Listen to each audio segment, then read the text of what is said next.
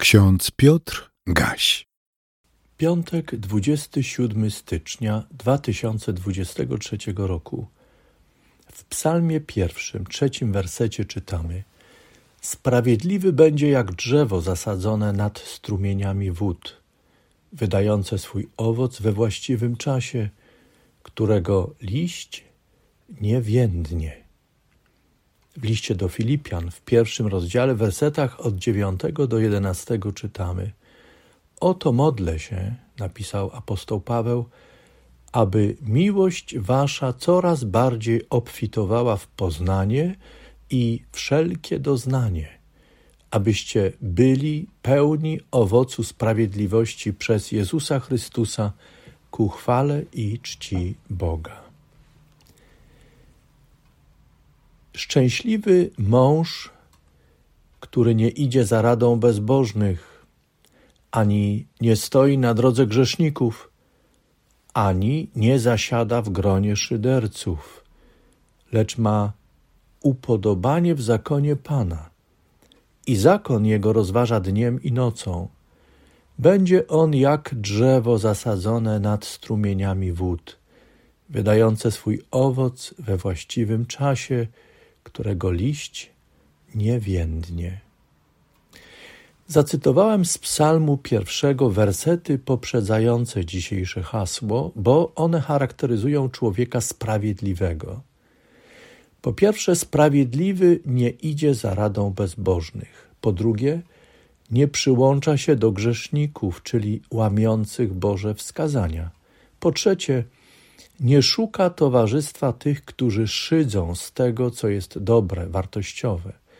Po czwarte, sprawiedliwy człowiek ma upodobanie w tym, co Boże, kocha Jego wskazania, ceni je i wypełnia. Sprawiedliwy człowiek jest inny. Nie boi się dezaprobaty ze strony bezbożnych i konsekwentnie idzie drogą prawości Staje po stronie skrzywdzonych i wyszydzanych. Nie boi się zarzutu pryncypialności, by wypełniać Boże przykazania. W takim stylu życia człowiek sprawiedliwy odnajduje szczęście.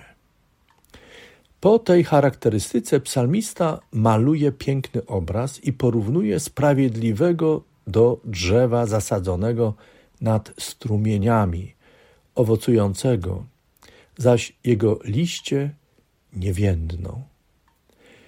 Kiedy słucham psalmisty, nasuwają mi się pytania.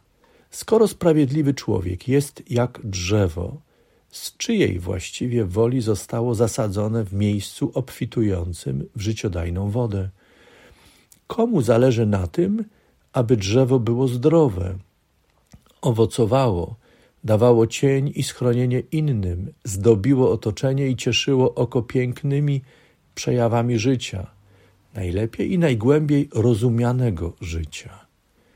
Odpowiedź jest oczywista i prowadzi, do, prowadzi nas do jednego, jedynego, do Boga. Za wszelkim dobrem, które jest w samym drzewie, za obfitością dla drzewa, i za opieką nad nim zawsze stoi Bóg, który jest źródłem życia, jego zachowawcą i opiekunem, dawcą wszystkich niezbędnych praw, dzięki którym drzewo może owocować i spełniać inne postawione przed nim zadania. Jedynie taki Bóg jest źródłem wszelkiego dobra, które jest utożsamiane ze sprawiedliwością, a to prowadzi nas do wniosku, że sam Bóg jest źródłem sprawiedliwości. Tutaj dochodzimy do pewnego rodzaju napięcia. Człowiek ma różne skojarzenia ze sprawiedliwością. W samej Biblii czytamy o tych napięciach. Jednym z nich jest przeciwstawianie Bożej sprawiedliwości Bożemu miłosierdziu czy też miłosierdzia Bożego, Bożej sprawiedliwości. Innym napięciem jest Boże karanie, które przeciwstawia się Bożej łasce przebaczania winy. Kochani, Tak zwracam się do Was, bo jesteście kochani przez Boga. Bez wyjątku jesteśmy kochani przez Boga sprawiedliwego, miłosiernego, dobrego, łaskawego, dyscyplinującego, który zawsze pozostaje Bogiem miłości dla każdej i każdego z nas. Niech Psalm pierwszy rozbudzi w nas pragnienie zaufania Bogu, rozbudzi wolę przyjęcia miejsca danego nam przez naszego Stwórcę, zachowawcę i opiekuna.